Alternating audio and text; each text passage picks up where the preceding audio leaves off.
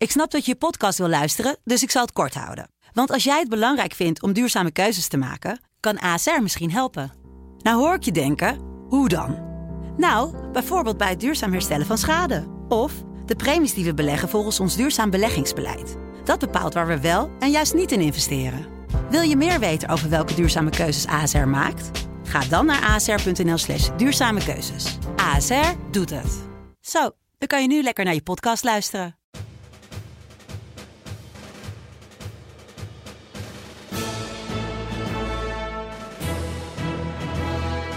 Dit is Delta Tango, de defensiepodcast van de Telegraaf.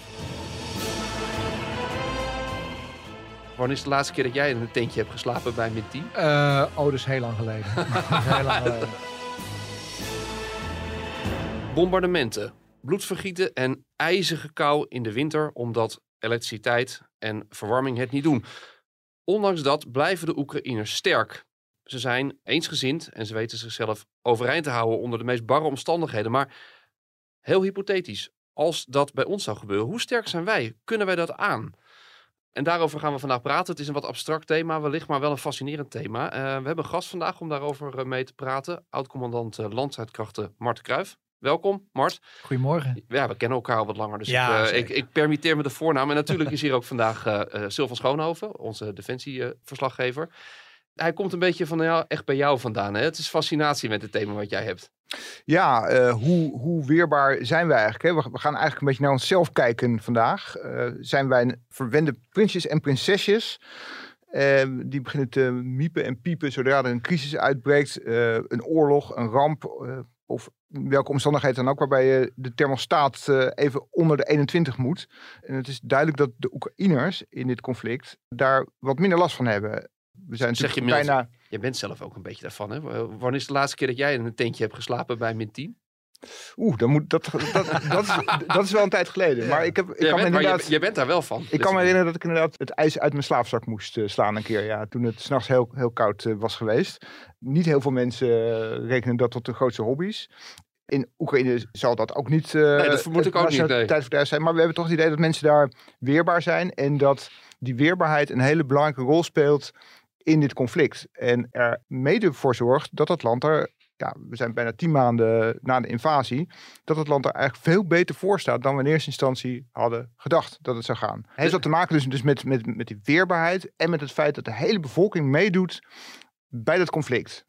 Iedereen speelt een rol. Bewaken, beveiligen, doorgeven van inlichtingen. Allemaal dat soort aspecten. Een, een, mentale basishouding heb je het een beetje over. Ja, de mentale basishouding is natuurlijk enorm goed. En daar staan we allemaal van te kijken.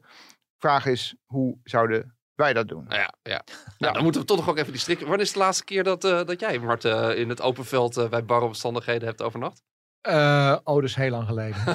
heel lang geleden. Ik denk dat het nog wel kan duiden ook.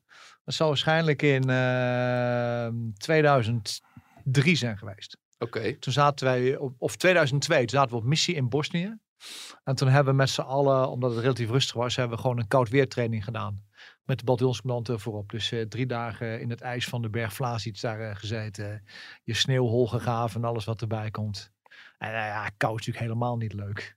Maar ze, zeggen, maar ze zeggen altijd, kou is een emotie. Ja, dat zijn mijn oude sergeant op de KMA. Kou is een emotie, kun je uitschakelen. Man, wat had ik een hekel aan die vent. Uh, uh, maar het is wel zo, als je met discipline omgaat, dan kun je heel veel tegen kou doen. Ja. En eigenlijk als je zielig bent, dan kwadrateert kou die zieligheid. Ja. Dat, is, dat is wel wat kou heeft. heeft een hele impact. Het schijnt ook dat kou went, hè? Ja, nou, kou heeft wel een hele grote impact. Of het went, weet ik niet. Want bijvoorbeeld Tweede Wereldoorlog hebben we slag om het Hurtgenwald gehad in uh, de Eifel. Hè. Er zijn 50.000 Amerikanen zijn er uitgevallen, dood of gewond. 9.000 daarvan waren non-battle casualties. 9.000. Vooral bevriezingsverschijnselen.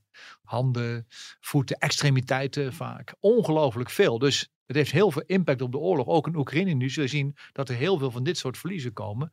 Door ziektes, door bevriezingsverschijnselen, door ondervoeding. Echt veel meer dan wij denken. Ja, het hele gestel wordt, wordt zwakker als de temperatuur uh, daalt en uh, alles wordt moeilijker. Ja, want uh, dat begrip weerbaarheid, dat valt eigenlijk in allerlei aspecten uiteen. Hè? Laten we ze even uit elkaar rafelen en ze één voor één uh, behandelen. Wat is weerbaarheid? Hè? Ja, en daar heb ik over nadenken terwijl ik in uh, de file stond. Ja. Um, dat was nog door de kou. Was door de kou. Even, dat, was extra tijd voor vandaag. file.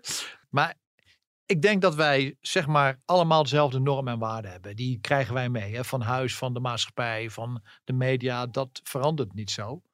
Maar de vraag is wat je ermee doet. En als je normen en waarden omzet in handelen, dan is het een deugd. En, en dat, dat is iets heel anders. Dus we praten vaak over normen en waarden. Op zich zeggen die niks. Het gaat om wat doe je ermee. En je ziet dat Oekraïne, dat ze hun normen en waarden ook in een deugd durven omzetten. Dus wat er ook gebeurt, ik ga doen waar ik voor sta. Ik ga vechten, ongeacht de prijs die het mij kost.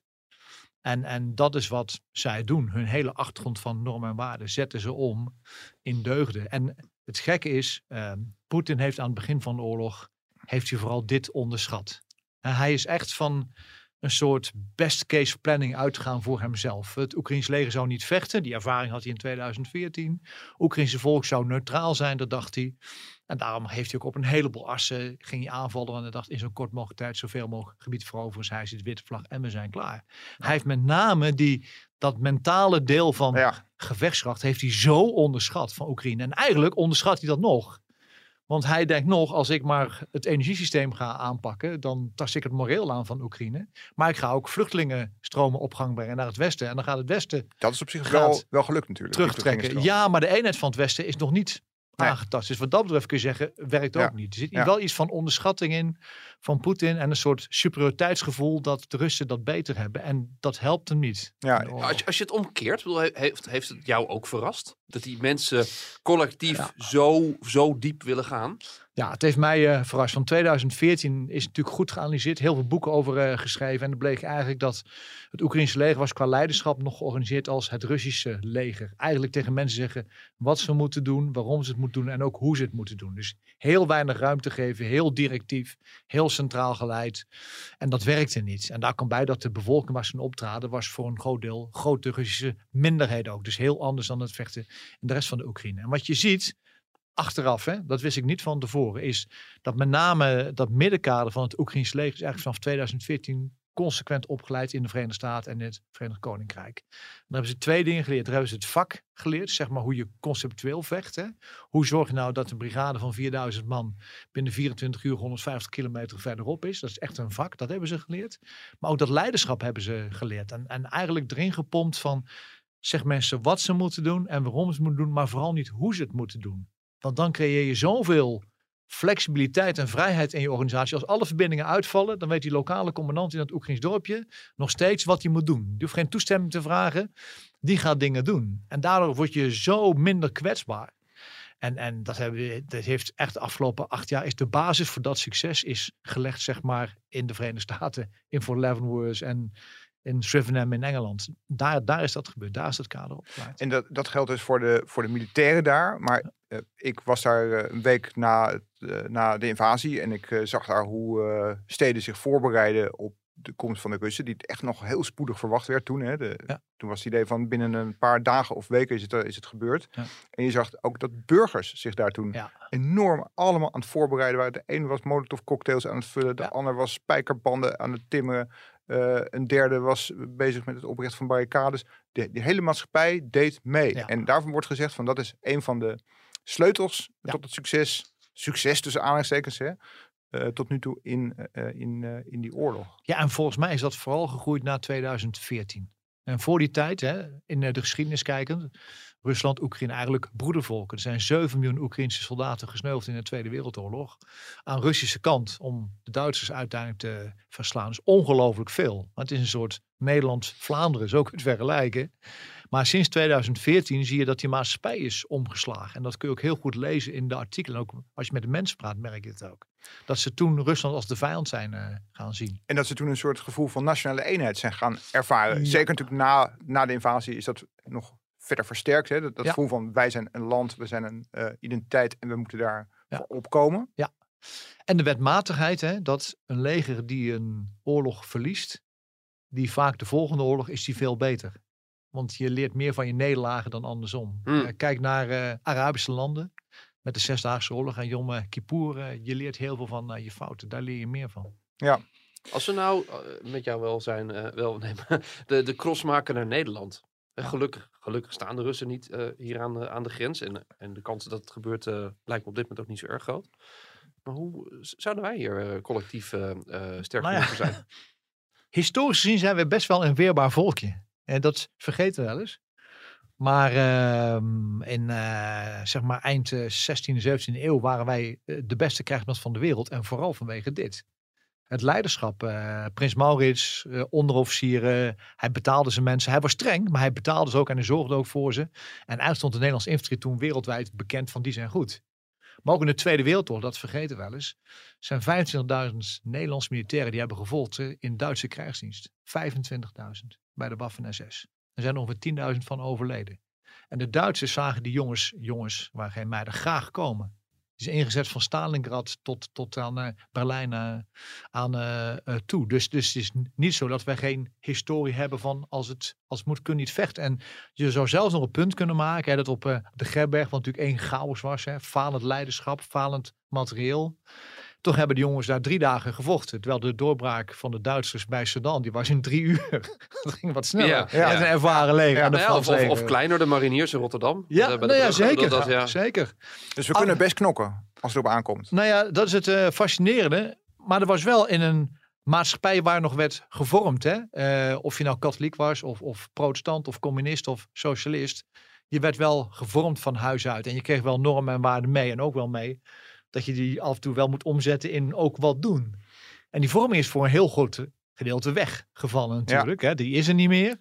De dienstplicht hebben we niet meer. Eh, waar we ook wel een instrument waarbij je mensen, nou kijk naar Kamp van Koningsbrugge, heel simpel zeggen, laat ze in onzekerheid, laat ze hun fysieke en mentale grenzen zoeken en doe het in een groep. Dan kun je ontzettend veel bereiken, maar dat hebben we een beetje van ons weggedouwd. Het is een individuele maatschappij geworden. En er komt ook nog bij, en dat is iets wat mij nog steeds een beetje eh, aan het denken zet, is eh, hoe wij ook communiceren. hè. Ehm, mij staat zo bij dat we bij de coronacrisis eh, waren anderhalf jaar bezig en Rutte staat voor de media en die zegt ik baal er zelf ook van. Ja, en dat is denk ik nou precies wat je niet moet zeggen. Nee. Wat je moet zeggen is mensen niet aanspreken in hun zwakte. Leiderschap is dus cruciaal, volgens mij voor weerbaarheid is cruciaal, maar je moet mensen aanspreken in hun kracht. Je had ook kunnen zeggen, we hebben drie golven gehad, die vierde fixen we ook. Hm, Niem- ja. Niemand maakt ons gek. Wij kunnen dat met z'n allen. Wij zijn, wij zijn sterk geweest, want sterker nog, eh, dat was natuurlijk een van de fascinerende dingen van de coronapandemie. eh dat je hebt gezien hoe creatief mensen en bedrijven waren. Ja, Om in, in, in een hele korte tijd processen om te gooien. En de maatschappij, maatschappij bleef toch voor een heel groot deel gewoon draaien. Maar dat is volgens mij wel een maatschappelijk iets dat we mensen altijd aanspreken in hun zwakte en wat ze fout doen. En mensen niet aanspreken op waar hun kracht ligt. Ja, En zo organiseren we ook alles. We controleren alles. De ene helft van Nederland die controleert de andere helft, zeg ik wel eens. we hebben Dus wij hebben nog geen eh, personeelstekort. Ja, Ja, eh, heel, als je mensen aanspreekt op hun kracht, dan gaan ze heel anders daarop eh, reageren. Daar ben ik van overtuigd. we hebben de neiging om onze zwaktes te benadrukken in Ja. plaats van onze kracht misschien. Ja. En Ja. dat, dat eerste kun je misschien missen als kiespijn als in het geval dat er zich een crisis aandient. Want laat, laten we eventjes een soort concreet scenario schetsen. Hè? Want ja, eh, we hebben het over weerbaarheid, maar weerbaarheid komt eh, pas aan het licht in het geval van, een- van een crisis. Ja. Hè? Een- ramp, een crisis, een oorlog. Ja. Eh, stel nou, Oekraïne escaleert, de NAVO wordt betrokken. Dat betekent niet dat er hier in Nederland gevochten wordt, maar wel dat, dat Nederland een soort doorvoerplek zou kunnen Ja. worden. hè. De Ja. Rotterdamse haven, komt allemaal materieel, Ja. moet naar het oosten. Allerlei objecten moeten beveiligd worden. Transportlijnen eh, die kwetsbaar zijn voor sabotage. Je hebt het risico van aanslagen. En de vijand zal er alles aan doen om eh, met desinformatie de bevolking uit elkaar te spelen. Om dus die weerbaarheid, waar we het hier over hebben, eh, te ondermijnen. Ehm, ja, hoe, hoe, hoe zou Nederland nu reageren? Je ziet nu al grote verdeeldheid met anti-overheidssentimenten en demonstraties en eh, wantrouwen tegen, tegen alles en iedereen. Ja, dat, dat lijkt me geen eh, fijne voortekenen. Nee, het lijkt me geen fijne voorteken. Nee. Ga er maar aan staan. Maar volgens mij moet je eh, een aantal dingen doen. Je moet weer even goed nadenken hoe je onze jeugd weer kunt vormen. En ik bedoel niet misvormen, maar vormen. En of nou een maatschappelijke dienstplicht is, of het is een ander curriculum op school. Of laat me simpel eh, een voorbeeld noemen. Eh, zijn we nou eh, mee bezig? We hebben 460.000 jeugdigen in de jeugdzorg. 460.000. Dus ongelooflijk veel. We hebben 16.000 kinderen thuis zitten in de leerplichtleeftijd die niet naar school gaan. En er is niemand die die kinderen oppakt. Dat wordt een dossier en dat blijft ergens liggen. Nou, als je nou die vormende kracht van bijvoorbeeld Defensie gaat gebruiken. En zegt, ik pak twee onderofficieren die net met pensioen zijn. Die koppel ik aan de middelbare school. En ik zeg, binnen een jaar heb jij het ongeoorloofd school zijn met de helft teruggebracht. Dan doen ze dat. Dan lukt dat. Niet omdat het nou zulke speciale mensen zijn. Maar omdat ze persoonlijke aandacht aan mensen geven. We moeten veel meer vorming deel maken van de maatschappij die we aan het doen zijn. Ja. En dat doen we veel te weinig. Dat doen we veel te weinig. Dus je moet veel meer vormen aan de voorkant. Je moet leiderschap hebben en zeggen: luister, wij kunnen zoveel meer. Dat gaan we dus ook doen. Wat er ook gebeurt, wij kunnen dat gewoon. Wie geschaffen, dat zou ik eigenlijk zeggen. Maar dat was Geva- wel Gevaarlijke uitspraak, historisch perspectief. gevaarlijke uitspraak. Maar wel in zijn, in zijn, in zijn ethiek een hele goede uitspraak. Want jij zegt, maar en als je naar de, naar de kaart van Silvan gaat, eh, ik bedoel, jij zegt van, eh, ja, dat, dat kan Nederland gewoon. Want de, Ja. basis, de basis is er. ja, Eh, de mensen die ervoor nodig zijn, bedoel... Nou, ja. Nou ja, dan als je wat kijkt waar je het over hebt, de, de, casus, je moet grote hoeveelheden materieel doorvoeren naar, eh, naar, Ja. naar een ander deel van Europa. Ja, we zijn, toch, eh, de, we zijn toch ook de grootste logistieke hub. Dus je zou denken of je naar tanks moet doorvoeren of containers met eh, rommel voor, eh, voor de discounter eh, in het Roergebied. Ja, dat, dat, dat kunnen we toch? Dat, dat kunnen we wel, maar ik zou zelf een zwak punt signaleren op het, op het punt van die, van die eenheid en die, ja, zeg maar, die vastberadenheid. Omdat je nu al, Ja. al ziet dat Ja. eh, door zo'n coronacrisis, hè, QR-codes. eh, Maar aan het begin van die hè, crisis was het er. In het was- begin wel, ja, dus, maar, eh, maar daarna ja. groeide Nee, dat het wantrouwen Ja, en het protest. En eh, ja, ik zou, als ik, als ik de vijand was, zou ik misbruik maken van die Nederlandse eigen Ja, wijsheid. ja. Hè, die natuurlijk Nee, ook, maar een, ook een goede je eigenschap is. Maar Je hebt eh, absoluut een punt, hè? want eh, als je praat over eh, wat levert nou het meeste gevechtskracht op, is dat nou jouw hardware, hè? dus jouw fysieke component, of je conceptuele component, speel je 4-3-3 of speel je 5-3-2, hè? of je mentale component, dan is Marokko een heel mooi voorbeeld uit de voetbalsport, dat die mentale component is cruciaal. Is cruciaal. En elke oorlog blijkt dat weer. Hè?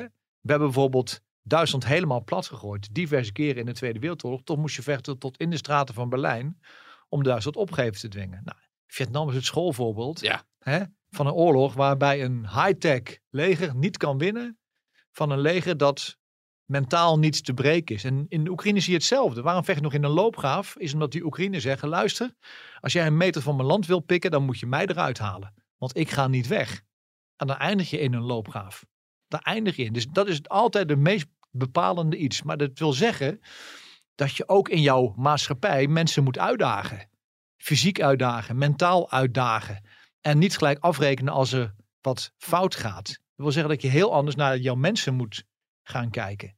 En dat betekent eigenlijk dat je volgens mij de overheid heel anders moet inrichten. Misschien erg filosofisch, misschien. Maar als je een overheid inricht op vertrouwen nou eens mensen. De Belastingdienst bijvoorbeeld. Want 95% vult zijn formulier wel goed in en 5% niet. Dan krijg je een hele andere organisatie. Mensen in hun kracht aanspreken. Dus de overheid moet zijn bevolking meer vertrouwen. Maar die bevolking moet misschien ook iets meer vertrouwen hebben in die, in die overheid. Ja, Als het erop aankomt. Of ja, ja, ja. maar en, en, zo, zijn wij natuurlijk niet. Wij zijn altijd eh, eigenwijs en we weten alles beter natuurlijk. We hebben Ja. natuurlijk eh, ja, maar 17 miljoen eh, premiers eigenlijk in Ja, Nederland. dat- die dat het allemaal is- beter weten. dat is niet nieuw natuurlijk. Nee. Een hele mooie serie natuurlijk over het rampjaar, hè, 1672. Dan zag je dat iedereen met een mooi achterhoekswoord liepen te munken. Toen eh, Willem III zei van luister, we moeten dit doen en we moeten dat en we willen zus en we, en we willen zo doen. Maar hij had wel het leiderschap om het uiteindelijk te gaan doen. Op een gegeven moment heeft hij gezegd, en nou is het allemaal afgelopen, we gaan het zo doen, klaar. En, en dat leiderschap missen we ook wel een beetje. Dat Maar, is cruciaal. Helpt het dan niet, zullen we zeggen, dat je bijna kan zeggen van als de nood het hoogste is, dan gebeurt het wel? Dus, dus Ja, mensen maar- moeten ja, dat maar- voelen, mensen moeten de nood voelen en denken, ja, het kan nu niet anders. maar wat we nu doen is dat we daar een strategie van maken. Of in de zorg of het onderwijs. We gaan pas wat doen als het fout gaat. ja, Kijk, het is natuurlijk idioot dat we 2012, laat me even bij mijn eigen tuintje houden, schijn zij gaan bezuinigen bij Defensie. In 2017 wist iedereen, dit gaat intern hartstikke fout, dit gaat echt, extern is de wereld anders. En we gaan vrolijk verder, tot we op een muur stuiten, dan komt er een oorlog en dan plussen er 5,5 miljard euro bij. En met de onderwijs en de zorg doen we het ook. En wat je ook als overheid moet doen, is af en toe tegen die dikke boom zitten. Echt tegen de dikke boom zitten en zeggen, dit hebben we vijf jaar geleden nou besloten, dat zijn we gaan doen. Werkt het nou of niet? Evalueren we nu of niet? Wat mij vreselijk boos maakt op de dag van vandaag, zeg maar, is dat we dat niet doen. Want we gooien klauwvol met geld nu weg naar Defensie. En dat is prima. Het is goed dat er veel geld naar Defensie gaat. Maar de vraag is, was het eigenlijk nodig geweest als je veel beter in de wereld om je heen had gekeken, tegen de dikke boom had gezeten. En misschien vijf terug had gezegd, is het wel zo slim wat we allemaal aan het doen zijn? En kunnen dat iets heel anders doen? Maar we gaan eerst tegen de muur aanrijden. En dan wordt het politiek opportun en dan gaan we handelen. Ja, dat, dat, dat is een slechte wijze van politiek voeren. Dat, Ja. dat werkt niet. En dan, en dan hebben mensen geen vertrouwen meer in de overheid. Want de overheid gaat pas wat doen als het fout gaat. En niet voordat het fout gaat wat doen. Als je het maar het meer basale niveau eh, trekt, hè, ehm, een interessante. Er ontstaat eh, oorlog, maar het kan ook inderdaad sabotage zijn. Er is best over nagedacht, ook Ja. rondom Oekraïne, dat wellicht Oekraïne een enorme cyberaanval op, op het Westen zou gaan uitvoeren. Ja. Dat ze het voor elkaar weten te krijgen om, om onze bruggen allemaal eh, te laten openstaan, de elektriciteitscentrales op hol te brengen. Hoe brengen we het dan vanaf hier? Ja. Geen wifi. Ja, ja. Geen wifi, geen stroom, geen telefoon. Nee, dat is, in de eerste dagen zal het tot totale chaos eh, eh, leiden. En ik ben bang dat we er ook niet goed op zijn georganiseerd. Hè? Want bij elke crisis die we hebben, gaan we eerst ruzie maken welk ministerie In de lead is. De, in Ja. de, de lead is. Want we hebben geen landelijke crisisstructuur. Dus dat is best wel een ding. Aan de andere kant, hè, ehm, we hebben 5 miljoen mantelzorgers in dit land. 5 miljoen mantelzorgers in het land. Die alles opofferen om de mensen om me heen te verzorgen. Dat hebben we ook. En dat vergeet wel eens daarop aan te spreken. Defensie heeft geen instroomprobleem. Zijn jongens en meiden zat die willen naar Defensie. Dat is een uitstroomprobleem. Dat is iets heel anders. Een uitstroomprobleem. Maar ik denk dat we wel eens vergeten dat we een heleboel mensen hebben. waarbij het hart op de goede plek zit en die best wel dingen willen doen. Alleen we spreken ze niet daarop aan.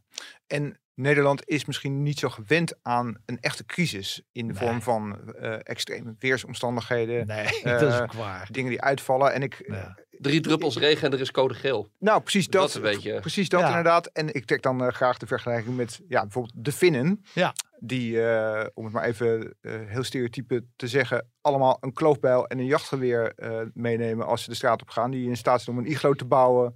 Die weten hoe ze een hert moeten slachten. Ja. En die het de weken uithouden als Ja. alles uitvalt. Even heel overdreven gezegd. Dat zie ik Nederlanders nog niet doen. Of is dat een verkeerd beeld? Nee, nee, maar goed. Ik heb het over dat je met leiderschap heel veel kunt bereiken. Maar als het leiderschap er niet is, dan weet ik niet of wij niet net zo slecht zijn als veel andere mensen. Kijk, ik ben grootgebracht in een generatie dat de Tweede Wereldoorlog waren we allemaal helden geweest. Mm. We hebben alle Joden geholpen, we hebben het verzet, hadden we krachtig. En nu, decennia later, blijkt helemaal niet zo te zijn. Hè? Blijkt na Polen de meeste Joden uit Nederland weggevoerd te zijn. Dus de vraag is volkomen terecht. Zijn we wel weerbaar en doen we allemaal doen we het goede? Doen we het goede? Ja, dat weet ik niet. Ik denk dat als, als de mens wordt teruggeworpen naar zijn basisniveau, dat hij eerst naar zichzelf kijkt en dan naar de rest. Ja, want je hebt het over leiderschap, maar je hebt het ook over zoiets als zelfredzaamheid. Ik bedoel, een van de mooie voorbeelden vind ik zelf altijd. Ik ben in, eh, jaren geleden bij de ANWB in eh, Lyon geweest op de alarmcentrale. ja. Eh, en met met een middagje meegeluisterd met die gesprekken daar. Ja, dan, dan hoorde je soms we zeggen, de, de, de sirenes nog dichterbij komen. Of mensen die belden voor iets. Dat je denkt, ja, dit kan je toch gewoon zelf even oplossen. ja. Maar ze, bellen, ze bellen nog net niet om te zeggen dat het, eh, het reservoirtje van de ruitenwisser leeg is. Dat het bijgevuld moet worden. Ik denk van, kom op. Bedoel, je kan ook gewoon zelf eruit stappen en zeggen, joh, Ja, nee, maar dat. we hebben mensen ontzettend verwend. Ja. Dat is ongelooflijk waar. We hebben mensen ontzettend verwend. Waarom doet de regering niks aan? Ja. Dat is altijd een beetje Ja, de vaste ja, kloot. Ja, ja. We hebben mensen ontzettend verwend. Dat maakt mensen ook lui gewoon. Hè? Want om mensen uit te dagen om wat te doen, daar zijn we niet zo goed in. Maar ik ben ervan overtuigd als je dat laagje vernis eraf krabt, dat je heel veel meer uit mensen kunt halen dan we nu doen. Dan we nu doen. Ja, En, en, en dus de- daar ben ik op zich niet eh, zo bang voor. Maar als je echt in een crisis zit en je hebt geen leiderschap en geen team om je heen van mensen, waarbij je in thuis voelt, waarbij je ontzettend verbonden voelt, dan ben je toch de keuze om eerst voor jezelf te kiezen voor de rest. En dat zijn we natuurlijk wel gedaan in de Tweede Wereldoorlog. ja. Dat is niet goed gegaan. voor jezelf kiezen qua veiligheid is, is dan misschien in eerste instantie Ja, niet zo'n slecht idee. Hè? Eh, Ja. De overheid zegt van leg vooral een noodpakket aan voor als dingen inderdaad uitvallen. Zorg dat je een opwindbare Ja. radio hebt, eh, voedselvoorraden. Ik fluister weer knijpkat. Dat vind ik altijd de mooiste in dit De soort- knijpkat, knijp- ja. Knijpkat, de knijpkat is onontbeerlijk Ja. in elk eh, noodpakket uiteraard. Eh, ja, je, ziet natuurlijk een soort stroming van preppers, hè, zoals ze genoemd Ja. worden. Mensen die zich Ja. helemaal voorbereiden op de allerslechtste scenario. Ja. Zorgen dat ze alles in huis hebben. Ja. Wint wel wat aan, aan populariteit eh, de afgelopen jaren. Maar ja, is misschien nog, nog niet voldoende doorgedrongen in de Nederlandse samenleving. Dat je inderdaad alles in huis moet hebben voor het geval dat. Nee, nee, nee. En ik had laatst een hele discussie met iemand of je nog een FM-radio zou moeten houden. Mm. Of dat je alles digitaal zou moeten doen. Nou, voor mij is het duidelijk dat één systeem is geen systeem. Dus als er wat is met de crisis, hou we godsnaam die FM-radio Ja. in de lucht. Want dat is een van de weinige dingen waar je mee nog kunt communiceren als overheid. Ja. Met je mensen. Maar het, het, is, het is ook... Je moet er goed over nadenken en je moet ook structuur geven in je opleiding en training en in je vorming. Laat, gewoon een voorbeeld noemen zelf uit de, de krijgsmacht. Hè? Koude oorlog einde. En we gaan naar Srebrenica, 1995. Dat is natuurlijk een heel pijnlijk hoofdstuk voor ons. Hè? Eh, Buitengewoon pijnlijk. Eh, en het gaat niet over de mensen die daar hebben gediend. Daar gaat het niet om. Niet over Karamans, niet over de anderen. Maar we zagen wel dat we een generatie leiders hadden die eh, vechten niet meer op hun voorhoofd hadden. Want wij dachten, Koude Oorlog, weet je, eh, als wij gaan vechten en we rijden naar het IJzeren Gordijn, dan graven we een gat, maar we gaan het toch allemaal aan. Niet alleen wij, Ja. maar er komt ook een kernwapen in Rotterdam en Amsterdam en het zit allemaal in hetzelfde schuitje, dus het maakt niet uit. En wij selecteerden, en nou chargeer ik hoor, maar dat maakt het duidelijk. Wij selecteren onze leiders op, doe je de dingen goed? Wij selecteerden managers die de dingen goed deden. In Srebrenica kwamen wij erachter dat we leiders zochten die de goede dingen deden. Dat is iets heel anders. Want dat, Dat is vereist anders. ook natuurlijk. eh, die Koude Oorlog was heel erg Ja, secuur het voorbereiden van, van plannen tot op het kleinste straatniveau aan toe. Ja. En, en hier eh, ging het om eh, een situatie taxeren en te bedenken hoe, hoe, wat moet ik hiermee? ja, ja en, en, en misschien wel verder eh, denkend, als, als je dan vroeg tegen die tijd, eh, in die tijd, wat is de hoofdtaak van eh, de krijgsmacht? Dan zeiden mensen stabiliseren en veiligheid brengen en vrijheid garanderen. En nee, dat zijn effecten. De kerntaak van een krijgsmacht is vechten. En nog als je het zegt in Den Haag, hè, dan krijgen mensen kippenvel. Nee, de kerntaak van de krijgsmacht is vechten. Want als de belangen van de staat in de wortel worden aangetast, heb je maar één middel wat je kunt bellen. Dat is het plein nummer vier. Dus het enige middel wat je hebt. En omdat je kunt vechten, kun je stabiliseren en kun je vrede brengen en kun je veiligheid brengen. Maar dat staat helemaal niet in ons DNA. Omdat wij daarvan. geen. Ja, daar schrok ik vreselijk van. En we hebben 15 jaar nodig gehad om zeg maar om dat vechten als kerntaak in je vorming, in je opleiding en training allemaal terug te gaan brengen. Dus niet netjes op een rijtje gaan schieten op de schietbaan. Lig je goed, lig je lekker, kun je het doel zien, dan mag je de trekker overhalen. Nee, gevechtsoefeningen buiten. En dan weet je, dan loop ik risico. Dan weet je, dan raken die jongens gewond. Soms sneuvelen ook jongens. Maar als je niet traint zo dicht mogelijk naar de werkelijkheid, weet je dat als je het echt moet doen, vallen er veel meer slachtoffers. En het heeft zeg maar 15 jaar geduurd voordat we een generatie hadden die helemaal daarmee groot is geworden. En niet alles is goed gaan in Oersgan, integendeel. Maar we hebben wel gezien dat het leiderschap wat we daar hadden, dat was echt anders. Dat Ja, was we, echt hebben- we hebben daar wel laten zien dat we het, dat we het toch kunnen. Hè? Dat, we, dat we toch goed kunnen vechten. En Ja, dat- zonder op daar een taak, dat een taak, trots op te eh, zijn of, of eh, een cijfer aan te plakken. Ik bedoel, dat gaat helemaal niet om. Want de kern van leiderschap is ook dat je bescheiden bent. Maar het is wel dat je andere mensen hebt daar. Andere leiders hebt. Dat merk je heel goed. Tegelijkertijd eh, hè, leven we, ik pik de term maar, ehm, maatschappelijk wel in een soort rubbertegelparadijs. hè, hè, eh, Onder alles moet, eh, moet een matje liggen, dat als je van het klimrek valt, dat je geen pijn doet al vanaf, vanaf jongs af aan. Wat, wat, wat kunnen we nou als maatschappij leren van, ik noem maar wat, die, die generatie ehm, eh, militairen die, eh, die in Afghanistan is geweest, of de huidige generatie militairen. Wat, wat kan je als maatschappij daarvan leren om weerbaarder te worden? De kunst van het loslaten.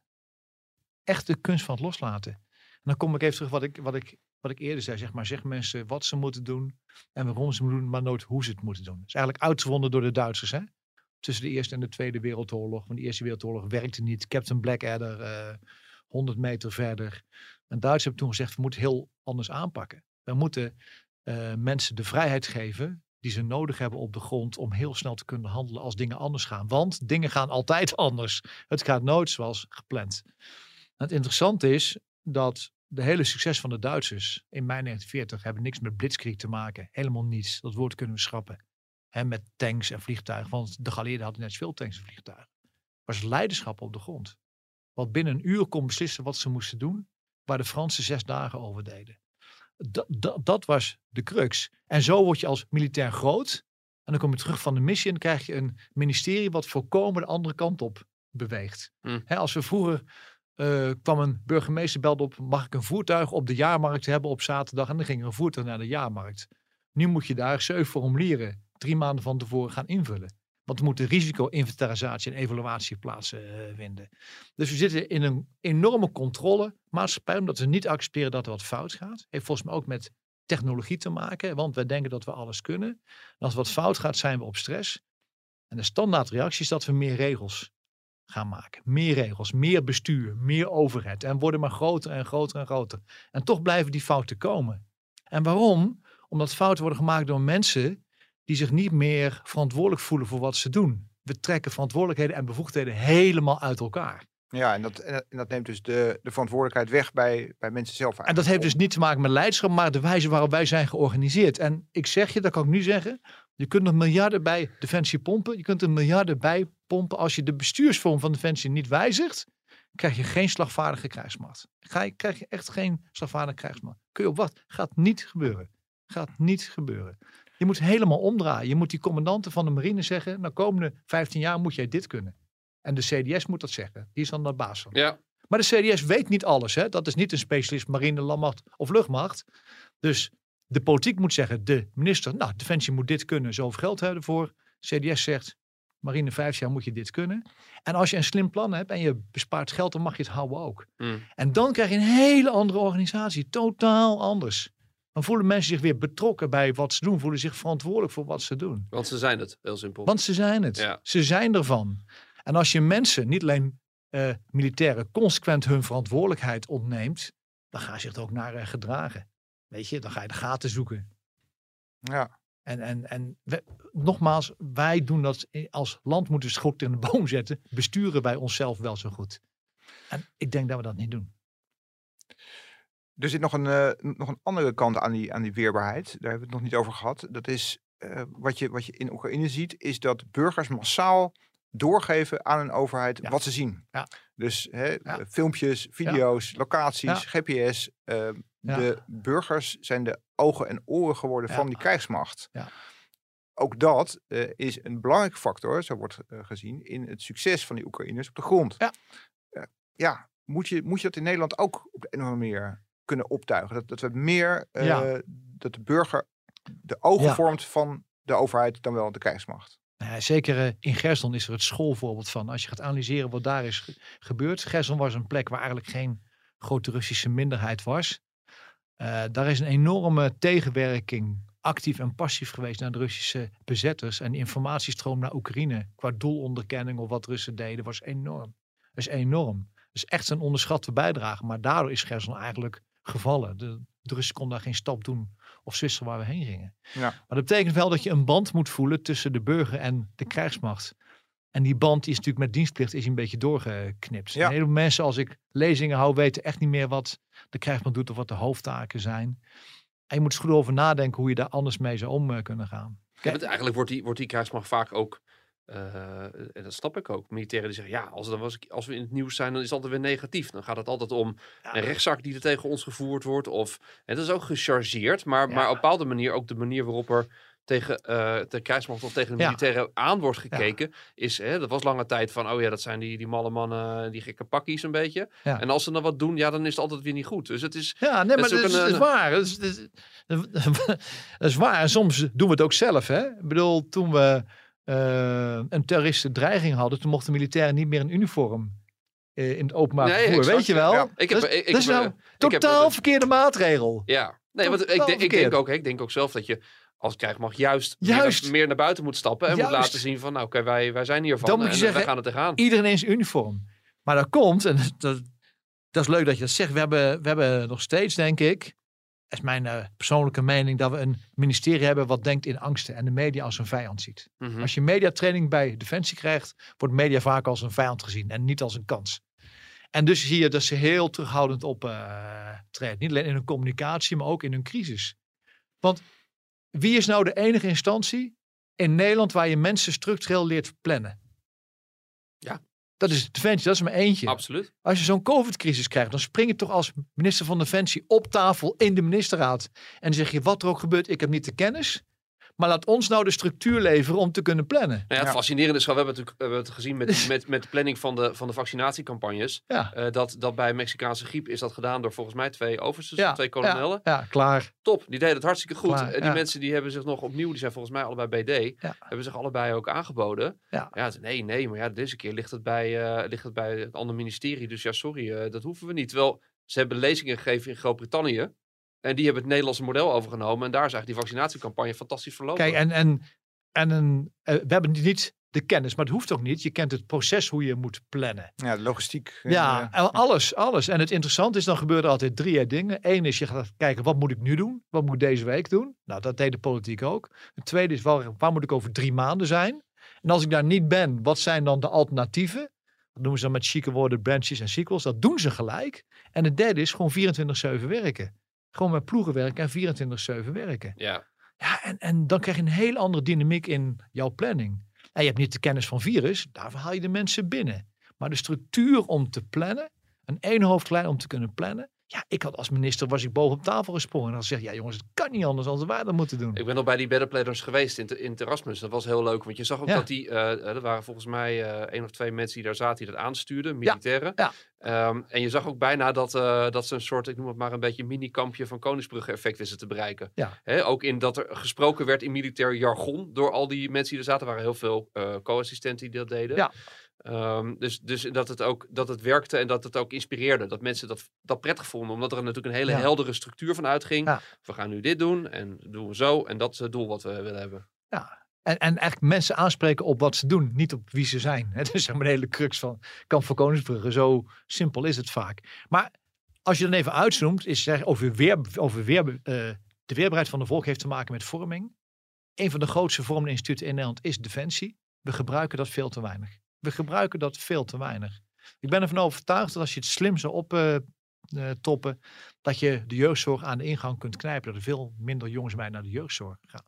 Dat is een veel betere oplossing dan maar bijplussen bij de jeugdzorg. Gebruik die vormende werking van Defensie veel meer dan dat je nu doet. En je wil dus mensen dan eh, veel meer in contact brengen met die krijgsmacht, zodat ze daar, Ja. nou, zodat die in beeld komt. En hè. dat kan zijn Dat door we- een maatschappelijke dienstplicht, dat kan zijn door een vrijwillige dienstplicht. Er zijn allemaal Ja. methodes voor om dat, eh, om dat eh, te doen. Ik moet zeggen dat ik zelf wel steeds meer neig naar een soort maatschappelijke dienst, dienstplicht. Ook om tekorten in eh, de zorg en andere dingen, om die, om die tijd toch te gaan eh, verlichten. En, en mensen ook leren dat een maatschappij kan alleen maar leven als samenleving als je ook samen wilt leven.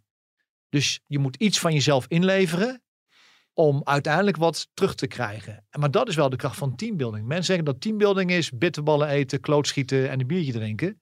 Nee, teambuilding is, is het meest domme wat er is. We hebben het jarenlang bij uh, Jumbo-Visma, de wielenploeg. En hoe kunnen we uitleggen aan een wielrenner dat hij 200 kilometer op kop moet rijden en dan 84 wordt in de uitslag voor zijn kopman. Hij is wel gek.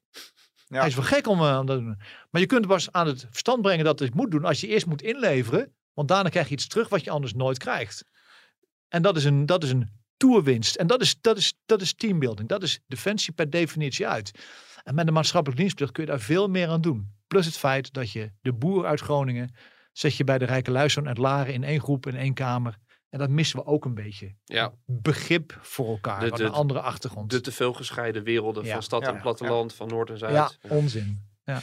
Je noemde net het, ehm, het vermogen om een offer te brengen voor de ander. Hè? Ja. Eh, ik wil in dat verband toch een eh, omstreden term laten vallen. De term sneuvelbereidheid. Ja. We hadden het daar al even over, over de telefoon. Ja, ja. Eh, er wordt gezegd, Nederlanders zijn niet bereid om hun leven op te offeren voor hun eigen land. eh, laat staan voor het land van bondgenoten. Het grote Ja. ideaal misschien wel, het vrijheidsideaal. Eh, in Oekraïne zag ik dat mensen eigenlijk bijna, nou ja, ik zal niet stonden te popelen om hun leven te geven, maar wel stonden te popelen eh, om zich, Ja. om, om een offer te brengen. Ja.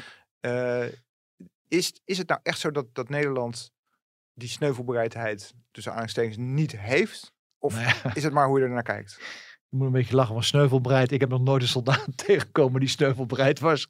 Die zei tegen mij, nou ik ben vandaag sneuvelbereid. Dus eh, laat wat leuks eh, gaan doen. Maar je, je, hebt, je hebt wel een punt. Als een soldaat op de vliegtuigtrap stapt naar missie.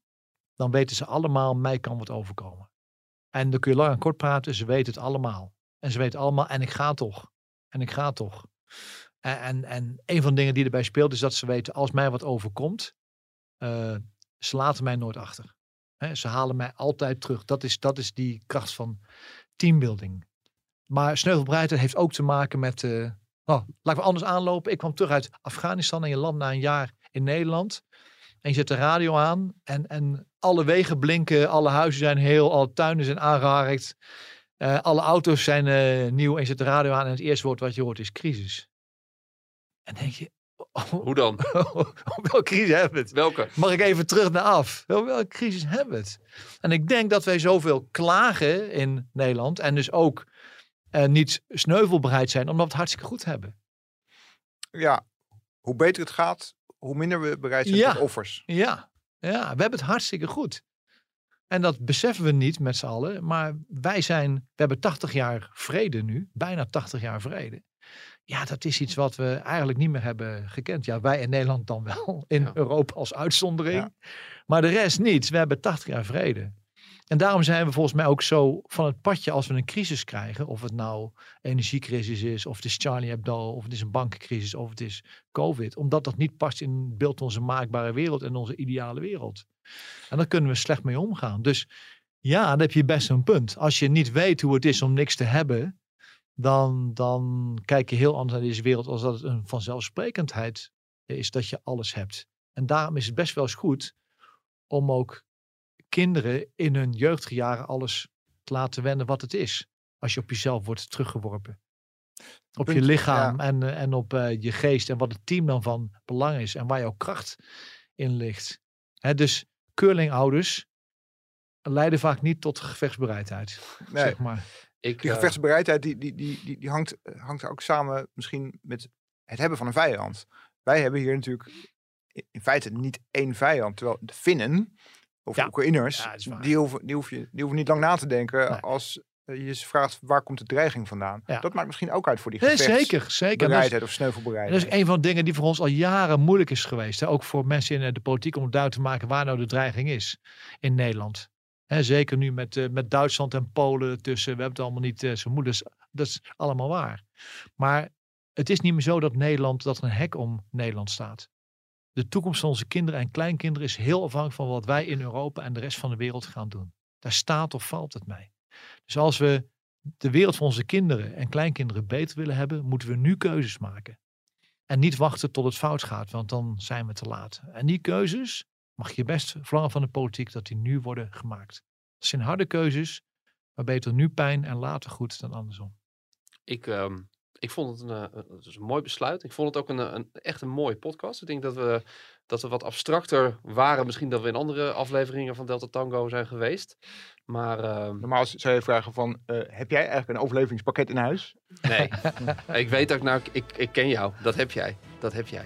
100% zeker. Ik heb het wel, dus met knijpkat. Ben ik, ben, ik, ben ik de enige die er weer naast zit? Ik heb het niet. Goed. Dit was Delta Tango voor deze week. Bedankt voor dat je luisterde. En we hopen dat je het eh, opnieuw de moeite waard vond. Is dat zo? Laat dan een recensie achter op eh, een van de podcastplatforms. Of abonneer je, zodat je geen aflevering meer hoeft te missen. Wij zijn er over twee weken weer met een onderwerp uit de wereld van veiligheid en defensie.